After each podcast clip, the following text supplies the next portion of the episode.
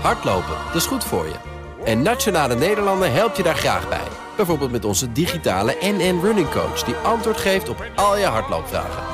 Dus, kom ook in beweging. Onze support heb je. Kijk op nn.nl slash hardlopen. De BNR Techniek Tour wordt mede mogelijk gemaakt door Techniek Nederland. De makers van morgen. BNR Nieuwsradio. De BNR Techniek Tour. Thomas Schuurman.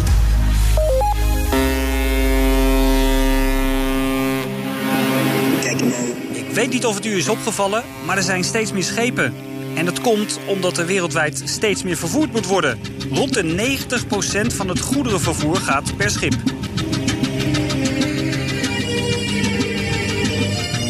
De maritieme sector kijken ze ook vooruit en willen ze de boot niet missen als het gaat om verduurzaming. Al is er ook terughoudendheid. De gevaartes moeten soms wel een generatie mee. En antwoorden op een schonere vaart zijn nog volop in ontwikkeling. Om te voorkomen dat de maritieme sector het schip ingaat... kijken we in de BNR Techniek Tour welke ontwikkelingen er zijn... naar een schonere, stillere en zeker ook behouden vaart. Ik ben uh, Bas Buchner, ik ben hier als uh, voorzitter van de Innovation Council van Nederland Maritiemland. En u zegt hier, want we staan op de SS Rotterdam, hè, toch een iconisch schip in Nederland. Wat gebeurt hier? Ja, we zijn hier vandaag bezig met een, een, een seminar, Maritime with a Mission. Hè, dus waar gaan wij met de maritieme sector naartoe? Om schepen schoner, slimmer en veiliger te maken. Dat is eigenlijk wat we hiermee bezig zijn. En dan kijken naar hele concrete samenwerking. Ja, wat dat betreft val ik met de neus in de boter, zullen we maar zeggen. Als we hier in het zaaltje kijken, het is pauze trouwens op dit moment... maar uh, als we in de zaal kijken, zien we een, groot, een grote beamer, een groot scherm... met een plaatje van de zee. En dat is niet voor niks. Wat zien we daar precies? Nou, dit is uh, de zee van de toekomst. Hè. Dus het is een zee waarin je drijvende windturbines ziet... Uh, drijvende zonnepanelen, uh, drijvende eilanden, maar ook schepen. Schepen die zelf varen, zonder bemanning. Je ziet hier zeilende vrachtschepen, maar ook schepen waar geen schoorsteen meer op zit. Daar komt geen emissie meer uit de schoorsteen. Nee, maar druk? Ja, het is heel erg druk. Ik zeg wel eens, uh, de toekomst van de Noordzee is dat uh, de Noordzee toch een soort uh, binnenhaven wordt waar het vreselijk druk is. En dan moeten we toch nog steeds de ruimte hebben om veilig met die schepen te kunnen varen. En dat wordt best een uitdaging. Een van de grootste vraagstukken is natuurlijk hoe die enorme gevaartes een beetje schoner te krijgen. Een van de mooie dingen is het en is een beetje back to the future. Dat is toch weer gaan zeilen met, met vrachtschepen. Dus zeilen van allerlei vormen, hele moderne zeilen. Een, een draaiende cilinder een toren die ronddraait, die werkt als een zeil. Maar ook uh, de Ventifoil, dat is een, een, een uitvinding uit Groningen. Uh, Kono-ship. En die hebben bedacht een heel slim zeil... wat je op een vrachtschip kan zetten in een container. Zodat je op dat schip een container neerzet met twee zeilen... en dan 15% brandstof kunt besparen. Zeilen dus, een soort draaiende zuilen op een container. Soms wel 30 meter lang en met een diameter van enkele meters. Nou, dat zijn ontwikkelingen die zijn heel erg innovatief. Maar die leveren brandstofbesparing op en dus emissievermindering. Maar die leveren ook geld op. In de zin van uh, dat er minder uh, brandstof uh, gekocht hoeft te worden. Kijk, je kunt niet tegen de wind inzeilen, dat lukt nog steeds niet. Maar heel vaak heb je toch gewoon aan de wind zeilend nog steeds de mogelijkheid om de wind te gebruiken om brandstof te besparen en emissies te verminderen. Maar die vieze diesel zal nog wel even nodig blijven, omdat er simpelweg heel veel energie in zit. Alternatieven worden wel onderzocht, maar zijn nog lastig. Schonere diesel, biobrandstof, synthetische brandstof en natuurlijk waterstof. Waterstof is een soort de droom. Uh, dat willen we allemaal. Ja, vertel toch eens even, want dat hangt natuurlijk uh, boven deze sector al een aantal jaren. Waterstof, uh, wordt het al toegepast? Slash, hoe ver zijn we daarmee? Nou, een van mijn collega's heeft tien jaar geleden een eerste rondvaartboot voor de haven van Amsterdam gemaakt op waterstof. Dus in het klein, ja, kan het. Het enige is alleen, je moet het wel op de plek zien te krijgen waar die boten varen. Dus het kan, maar het kan nog niet voor hele grote schepen. Kijk, je hebt een brandstof en voor waterstof moet je dat in een grote tank onder druk uh, brengen. Dan heb je een brandstofcel die daar elektriciteit van maakt. En met die elektriciteit, daar drijf je dan een elektromotor mee aan. Mm -hmm. Nou, dat is echt de toekomst van de maritieme sector. Maar in plaats van waterstof zou je ook andere uh, schone brandstoffen kunnen gebruiken... om die elektriciteit te maken. Wat betreft schonere brandstof is het dus nog een beetje schipperen. Ondertussen worden schepers steeds autonomer. Sleepbootjes in de Rotterdamse haven bijvoorbeeld. Boskalis en TNO zijn daar bezig met onderwaterdrones om havens te kunnen inspecteren. Een duikboot, een zelfvarende duikboot, die dan uh, kijkt hoe het is met de sluis, hoe het is met de, de, de, de brug, hoe het is met de, de bodem, zodat je continu door hebt wat er aan de hand is in de haven. En dat wordt ontwikkeld op dit moment? Dat wordt ontwikkeld en dat wordt dus gewoon ook al toegepast in de sluis van IJmuiden. Daar hebben we net een voorbeeld van gezien. Ja. Dus, kijk, dat is onder water, op het water? Op het water gebeurt ook al heel veel. Kijk, aan de andere kant, uiteindelijk dat grote containerschip wat zonder bemanning vaart... het kan misschien ooit wel, maar tussen daar en waar we nu zijn... waarin je soms uh, mensen de zee opstuurt met een heel groot containerschip... met veel te weinig informatie... zijn nog zoveel stappen te maken met meer informatie... met de digitalisering, met computers aan boord... zodat die bemanning weet wat die bemanning moet gaan doen... de komende vijf tot tien uur. Hè. Dus het klinkt allemaal mooi, een zelfvarend schip. Het belangrijkste is dat het veiliger wordt... en dat mensen die daarop varen ook in die tussentijd de goede spullen krijgen... om de goede beslissing te maken. In hoeverre bent u bang dat eh, de ambitie die deze sector heeft... toename van nog meer schepen bijvoorbeeld, het wordt nog drukker... dat dat ja, gaat botsen met uh, de wensen van Den Haag of van milieubewegingen? Nou, dat is een goed uh, punt. Kijk, er is uh, sinds kort een soort uh, Noordzee-akkoord. En dan zegt men dat op de Noordzee is spanning tussen de natuur, visserij en energie. En dan zeg ik, waar zijn de bootjes eigenlijk? Het wordt steeds drukker op zee. En dat betekent dat je met elkaar moet praten en dingen moet afstemmen. op dat plaatje van de toekomst staan zeilende vrachtschepen. Met zeilen heb je ruimte nodig. Dus er zit spanning tussen schoonvaren en al die windturbines op zee. Nou, daar moeten we over praten, want anders wordt het te vol op zee. En je moet ook die scheepvaart meenemen. Een sector die uh, van groot belang is uh, voor Nederland. Meer dan 277.000 mensen biedt het werkgelegenheid.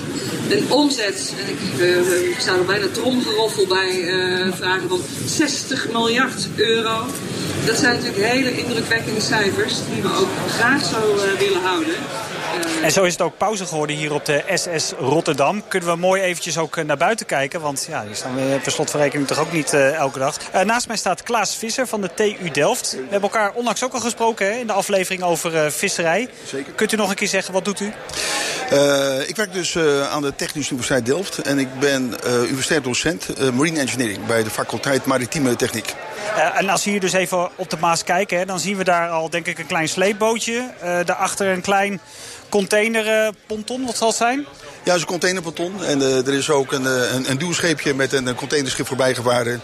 Buitengewoon inspirerend natuurlijk voor mij tijdens een uh, pauze op deze Rotterdam. Maar u weet dus heel veel van uh, ja, hoe je die, die, schepen schoner kunt krijgen. Hè? Want het gaat vaak, vaak toch om verouderde, vieze dieselmotoren. Zien we die hier bijvoorbeeld ook? Nou, eh, hier valt wel mee. Met, uh, uh, dit zijn schepen die op de binnenvaart varen. Daar zijn al hele stevige eisen zijn daarvoor. ja, de, in ieder geval het onderzoek naar de verschoning van de maritieme sector. Dat is wel onderwerp van mijn onderzoek. En ja, als we het hebben over de vervuilende dieselmotoren... zijn eigenlijk twee aspecten. Eén daarvan is inderdaad vervuilende emissies. Die elimineren. Dan hebben we het over zwavel. Dan hebben we het over de, de stikstof, de NOx. En dan hebben we over roet. ja, dat is bij de brandstof en de techniek die hier gebruikt wordt... Uh, zijn er al behoorlijke stappen gemaakt. Maar ja, voor de toekomst hebben we het natuurlijk ook over het elimineren van uh, de broeikasgassen. Dus uh, de CO2. Ja, dat is natuurlijk een stevig onderwerp waar dan nog wat extra maatregelen bij komen kijken. ik neem aan dat een waterstofboot, als die toch ooit ergens in de toekomst gaat komen... dat die schoner is dan wat we hier voor ons zien? Die is veel en veel schoner. En dat is eigenlijk de volgende stap. Die we met name voor de binnenvaart voor ogen hebben. je moet het zo... Daar gaat die eerder plaatsvinden dan op de grote zeevaart? Ja, dat, dat verwacht ik wel. Ik verwacht dat omdat uh, de urgentie bij de binnenvaart ook een stuk groter is. Wat we zien is in toenemende mate... Waarom eigenlijk? Nou ja, omdat in toenemende mate die regelgeving steeds strakker wordt. En dan niet alleen maar uh, met betrekking tot uh, de emissies. Uh, maar ook in relatie tot het, het, geluid, het uitgestaalde geruis... naar de accommodatie en naar de omgeving die de motoren mogen hebben. De tweede reden dat ik denk dat de binnenvaart binnenkort, binnenkort grote stappen gaat maken... dat is gewoon omdat er grote veranderingen zijn in de logistieke keten. De binnenvaart is al heel erg zuinig als je kijkt naar hoeveel CO2-productie per container of per, per ton vervoer.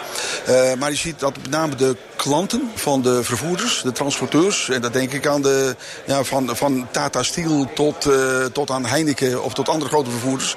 De klanten van hen die verwachten eigenlijk dat die uh, producten zonder emissie vervoerd worden. Die eisen dat min of meer? Die eisen dat min of meer. Ook omdat je het echt kunt zien, want het komt aan uh, daar waar Heineken bijvoorbeeld staat. Ja, je ziet met name ook dat, er een, dat ze een verantwoordelijkheid voelen naar hun, naar hun eigen consumenten van die producten. Ja, en is dat bijvoorbeeld anders dan die grote schepen die hier verderop in de haven aankomen? Die zijn minder zichtbaar?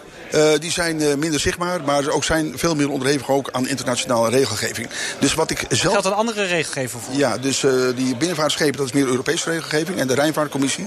En uh, de grote schepen, dat is uh, nou, de regelgeving van de Verenigde Naties. De internationale maritieme organisatie. De grote vaart is dus veel internationaler.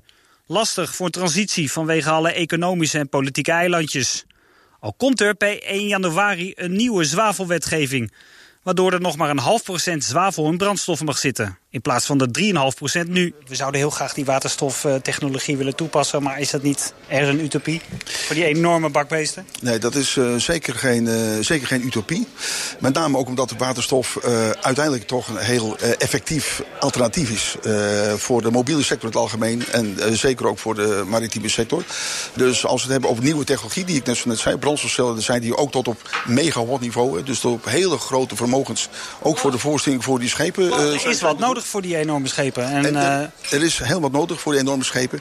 Wat met name belangrijk is voor die zeeschepen... is dat je voldoende energie meeneemt.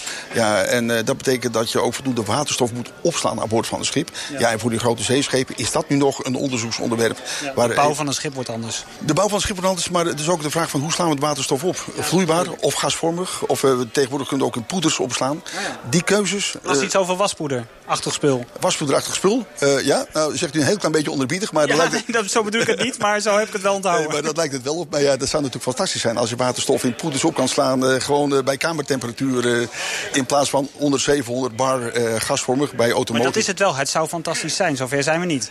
Ehm, we zijn nog niet zover. Er moeten nog een paar stappen daarin gezet worden. Dank Klaas Visser van de TU Delft. En u hoorde eerder ook Bas Bugner, voorzitter van het innovatieplatform van Nederland Maritiemland. Straks gaan we naar het oudste en beroemdste onderzoeksbassin... waar al vele tientallen jaren schepen in alle soorten en maten worden gekeurd. BNR Nieuwsradio. De BNR Techniek Tour. We hebben het in deze uitzending over schepen. En we waren het eerste deel te gast bij het innovatie-evenement van Maritiem Nederland. Nu gaan we naar Marin, een van de grootste instituten ter wereld voor onderzoek naar hydrodynamica en maritieme technologie. Er wordt op water getest met behulp van bijvoorbeeld wind, stroming en golfslag. Maar de laatste tijd ligt de nadruk vooral op schonere schepen. Ik ben uh, Christian Veldhuis. Ik ben de research coördinator Zero Emission Shipping bij, uh, bij het Marin. Dus zero emission, dus uh, emissieneutraal scheepvaart, ja, Bij Marin. En voor de mensen die dat niet allemaal kennen, wat is Marin? Het Maritieme Research Instituut in Nederland. Ja, in Wageningen, want daar staan we op ja, het hoofdkantoor. Ja, en voor ons een enorme bak water. Een, een, oudje eigenlijk, hè? want deze bak water staat er al een tijdje. Het water zelf dan misschien niet, maar deze hal. Deze hal die, uh, staat er al uh, tientallen jaren. Marin is uh, ontstaan in 1932. Dus sinds die tijd doen wij al ja, sleepproeven. ja, wat, wat testen jullie hier? Kunt u dat eens uitleggen? Ja, wat we hier doen is... we hebben hier een, een sleeptank van een 200, 220 meter lang. Waarin wij modellen op schaal, dus scheepsmodellen... metertje of 10 groot voortslepen. Om te kijken wat weerstand doet, voortstuwing. Hoe gedraagt het schip zich in golven? Je hoort op dit moment de golven slaan op het strand. En op die manier kijken we naar scheepsgedrag, omstroming van het schip, dus de omstroming van het water. En hoe wij dus bij kunnen dragen aan, uh, aan betere scheepsontwerpen. Ja, en u specifiek als schonere schepen, hè? Kunt u dat ook met dit bassin onderzoeken? Ja, hier, uh, hier kijken we ook naar uh, onder andere bijvoorbeeld wat wij noemen wind assist. Dus we kunnen uh, door middel van uh, zeilen of andere objecten die uh, vo voortstuwing halen uit wind... kunnen we ook gaan kijken hoe, wat voor invloed dat heeft op het scheepsgedrag. En daarmee kun je natuurlijk ook het totale voortstuwende vermogen op de schroef verkleinen. Wat is de vraag die u zeg maar, vanuit de markt veel hoort? Wat, wat wil men? Behalve dat het schoner moet. Het, het, er is op dit moment heel veel onduidelijk wat uh, wat de regelgeving gaat doen. Wat mag wel, wat mag niet. En windassist valt dat op zich nog wel mee. Maar als je bijvoorbeeld kijkt naar... Wat mag wel, wat mag niet? Waar zit hem dat in dan? Uh, sommige, je hebt een bepaald minimaal uh, geïnstalleerd vermogen bijvoorbeeld nodig. Um, om om uh, veilig weer terug te komen in, in zware storm. Als je bijvoorbeeld een, een, een schip zou maken... en je zou daarmee je totale geïnstalleerd vermogen verlagen... dat mag op een gegeven moment mag dat niet. Want dan voldoe je niet meer aan bepaalde regelgeving. Ik denk dat daar is nog wel een mouw aan te passen. het grote probleem nu is ook um, op het moment dat je naar andere voortsturingsconcepten gaat kijken... maar ook andere brandstoffen erin gaat stoppen... dan kun je naast diesel naar allerlei andere soorten. En dan is het de vraag, welke brandstof zal het in de toekomst worden? Nou, daar kan, daar kan Morris, denk ik, mijn collega's zometeen veel meer over vertellen. En dat speelt heel erg eh, bij de, bij de sector ook van... hé, hey, we hebben heel veel ideeën. Um, maar uh, waar gaat het, de totale energietransitie, dus kijken Nederland, maar ook globaal naartoe... en waar moeten we op inzetten? We zijn echt duidelijk in een transitie. Uh, je ziet sommige mensen zie je zelf al vooruitlopen op de markt... en uh, volledig met ons optrekken en, en, en uh, dingen aandragen van... dit zouden we moeten onderzoeken. Doen jullie mee? Nou, dat, dat vind ik hartstikke leuk. Aan de andere kant zie je ook partijen die zeggen van... ja jongens, eh, als ik nu kijk naar regelgeving... Um, ik voldoe met mijn, met mijn diesel aangedreven schip ook aan de, aan de huidige regelgeving. Dus waarom zou ik het aanpassen. Dus we zitten in een transitie. Er gaan steeds meer mensen mee. De een beetje een conservatieve wereld hoor ik vaak. Oh ja, conservatief. De, de, de markt... oude mannetjes? Nou, dat valt wel mee. Ja? het, is dat niet. het is dat we op de radio zijn. Anders hadden we het gezien. Nee, nee, je bent niet Gijs, kan ik vertellen. Nee, nog niet, nog niet, nog niet. Nee, maar ik denk dat... Uh, uh, het, het zit, zit, hem vooral in dat de marges klein zijn. Dus uh, je, hebt ook, je maakt één schip. Je maakt het niet in serie. Dus het moet redelijk snel direct goed zijn. En het schip moet het 30 jaar volhouden, 40 jaar jaar soms. Dus um, het is niet zo, ik maak iets voor de komende tien jaar en dan maak ik weer een nieuwe. Nee, dan moet de hele energietransitie meemaken. En nou, dat is een uitdaging op zich.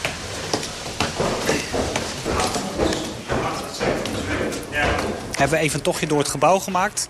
Zijn we een kamertje gekomen, of een ander kamertje van Marin gekomen. En daar staat de eerder benoemde Moritz al, Moritz Krijgsman. Wat doet u bij Marin? Ik ben uh, teamleider van het team uh, Hydro Systems. Dat is het team wat zich bezighoudt met de systemen in het schip. Dus uh, Christian heeft net iets uitgelegd. Uh, vooral wat zich vooral concentreert aan de buitenkant van het schip. En wij kijken in het schip. De machinekamer de machinekamer, maar ook... We horen trouwens al wat, wat, wat ratelen, hè? Wat hoor ik? Ja, we horen iets ratelen. Um, dat ratelen is niet de bedoeling. Het is een, het is een testopstelling van uh, ongeveer 5 kilowatt. Dus dat is heel kleinschalig. Een schaalmodel van een aandrijving, een hybride aandrijving van een schip. Hij loopt het gewoon echt hard aan. Zet hem maar even op diesel direct. Nu vindt de inkoppeling plaats van eh, de elektrische aandrijving. Dus het is een beetje vergelijkbaar met een auto. Je hebt zowel een verbrandingsmotor die eh, de schroef kan aandrijven... en je hebt een elektromotor. En er hangt ook een daadwerkelijke belasting aan. Daar ligt een schroefje voor. Uh, zie ik die? Sorry hoor. Dat blauwe ding. Oh, dat blauwe ding. Ja, nu zie ik het. Ja, ja. Dat is een schroefje. En die elektrische machine die aan die as zit... die kan dus nabootsen wat voor ehm, bijvoorbeeld weersomstandigheden en we voor verstoringen we aan die schroef kunnen krijgen. En dan kun je dus kijken hoe het aandrijfplatform daarop reageert. Ja. En waarom... Bart-Jan kan dus um, eventueel... De technicus die achter de computer zit. Ja, die, dat is de bediener. En die kan dus zeegang simuleren op die schroef. En dan zie je dus al dat het platform, uh, ja, die moet zijn best doen om dat bij te houden. Ja. En wat maakt dit systeem bijzonder? Dit systeem is bijzonder omdat het in feite een simulatiemodel is van alle toekomstige energieopwekkers en aandrijfsystemen. Zowel puur elektrisch als in combinatie met een verbrandingsmotor, maar ook de opwekking met een brandstofcel en uh, batterijen en supercapacitors zoals ze heten. Daar kun je energie in opslaan. Het is niet zo dat hier nu daadwerkelijk een brandstofcel aanhangt. Die gaan we straks wel bouwen. We bouwen uiteindelijk een 100 eh, kilowatt eh, laboratorium setup. En daar komt wel een brandstofcelsysteem in te staan. Dat is hier in Nederland gemaakt. En dat wordt nu klaargemaakt om hierin te bouwen. Wat is dat dan voor brandstof? Eh, waterstof. Daar komt... Daar is het weer, het woord waterstof. Waterstof. daar komt pure gasvormige... Grote redder. Uh, dat is uh, de, de basisstof van alle redders. Um, waterstof is een van de basiselementen waar je heel veel mee kunt. En daar kun je ook andere soorten energiedragers mee maken. En dat maakt het dus heel interessant. Waterstof moet je of onder hele hoge druk meenemen. Of je niet heel veilig is. Wat uh, risico's bij zich heeft. Het is wel veilig te maken. Je zegt het net anders? Ik zeg het iets anders, omdat uh, anders... Uh, ik heb in het verleden al een keer een waterstofboot gebouwd in Amsterdam. En toen hadden we binnen een paar weken last van het Hindenburg-syndroom. Dat ken ik niet. Uh, dat is dat er heel, heel lang geleden een zeppelin geweest is oh, waar ja. waterstof in zat. Ja, en die is ken ik wel. Ja, nou, daar is wel wat mee gebeurd. Ja. En Sindsdien waren die dingen ook verdwenen? Sindsdien zijn die dingen verdwenen. En dat geeft dus aan hoe gevoelig een bepaalde beeldvorming bij uh, veiligheid kan zijn. Want het is ook beeldvorming. Gaan dit soort systemen ook snel in die boten komen? Ja. Het antwoord is gewoon ja. ja. Wat is best snel dan? Um, ik denk dat binnen vijf jaar een aantal van dit soort systemen, allerlei vormen... En dus ook de systemen die Christian uitgelegd heeft... met bijvoorbeeld wintersist. Voor de lange afstanden is dat een uitstekende oplossing. Dat die aan boord van schepen geïnstalleerd gaan worden. Ja, betekent dat ook dat die scheepvaart dus eindelijk een stuk minder um, vervuilend wordt? In potentie natuurlijk wel. Alleen dan moet je dat soort systemen evalueren en doorkopiëren op andere schepen. En de levenscyclus van een schip, 20 tot 30 jaar... maakt het natuurlijk niet zo makkelijk om even massaal schepen te vervangen. Uh, een van de opties is dan om, dat heet, noemen ze zo mooi, uh, refits te gaan uitvoeren. En dat betekent dat je de machinekamer voor een deel leeghaalt en daar moderne systemen in zet. Uh, uitstootvrij, batterij, elektrisch of waterstof, of klimaatneutraal. Mm -hmm. Dat zijn allemaal opties die nu spelen. Ja. Maakt dat misschien ook dat uh, veel mensen nog wachten met het aanschaffen van uh, zo'n groot schip nu? Omdat ja, jullie zijn op zich wel net op weg, maar jullie zijn er nog niet zoiets. Ja. Um, dit lab is wat dat betreft eigenlijk een oudje. Hadden we al in het begin uh, even gehoord. Staat hier al eventjes. Uh, heel veel gaat nu over ja, schonere scheepvaart. Maar toch, de rest van de onderzoeken... zijn die ongeveer gelijk gebleven qua hoe jullie het onderzoeken? Wat je ziet in de loop van de tijd, uh, hoe wij zijn gaan onderzoeken... Uh, gaat er steeds meer richting rekenmethodieken. Dus we hebben heel veel geleerd in de tank. We hebben, dit is een van de tanks die we hier zien. We hebben ook tanks waar we uh, andere proeven in kunnen doen. Uh, andere dynamica van schepen. Maar wat je ook steeds meer ziet is dat het vanuit het experimentele richting rekentechnieken gaat. En het grote voordeel van rekentechnieken is, dat je... Um, ja, ook wat wij dus zeggen op ware grootte kunt rekenen. Hè. Hier ben je uh, toch wel op modelschaal. Allerlei op labschaal dingen aan het doen. In de computer in principe niet. En je zou in de computer heel veel verschillende configuraties door kunnen rekenen. Is dit nog wel nodig dan? Dit is nog steeds nodig, omdat ook die berekeningsmethodieken... die zijn gewoon uh, niet altijd even goed. Dus we proberen vooral rekenmethodieken op te zetten... en dan op bepaalde stukken te testen. Om te kijken in de, in, in de tank, klopt het? Snijdt het hout? En daarna wil je bijvoorbeeld een, uh, een, een, schip simuleren... wat van hier de oceaan overvaart. Nou, dat kun je sowieso in deze tank van 250 meter niet. Um, maar hoe gedraagt zich schip dat als ik dat simuleer een jaar lang? Wat haal ik dan aan emissiereductie, om weer eventjes bij het thema te blijven. Mm -hmm. En dat zijn typische dingen waar je dus complementair kunt werken. Dank Christian Veldhuis en Moritz Krijgsman van het Maritieme Onderzoeksinstituut Marin. Daarmee zit deze techniektour erop. Kijk op onze site of app voor de aflevering die we eerder al hebben gemaakt. Volgende week duiken we verder in de wereld van elektrische voertuigen. Niet die van de auto, dat hoort u vaak genoeg op BNR, of de fiets, drink drink, maar bijvoorbeeld wel de elektrische vuilniswagen. De BNR Techniek Tour wordt mede mogelijk gemaakt door Techniek Nederland. De makers van morgen. Hardlopen, dat is goed voor je. En Nationale Nederlanden helpt je daar graag bij. Bijvoorbeeld met onze digitale NN Running Coach... die antwoord geeft op al je hardloopvragen. Dus, kom ook in beweging. Onze support heb je. Kijk op nn.nl slash hardlopen.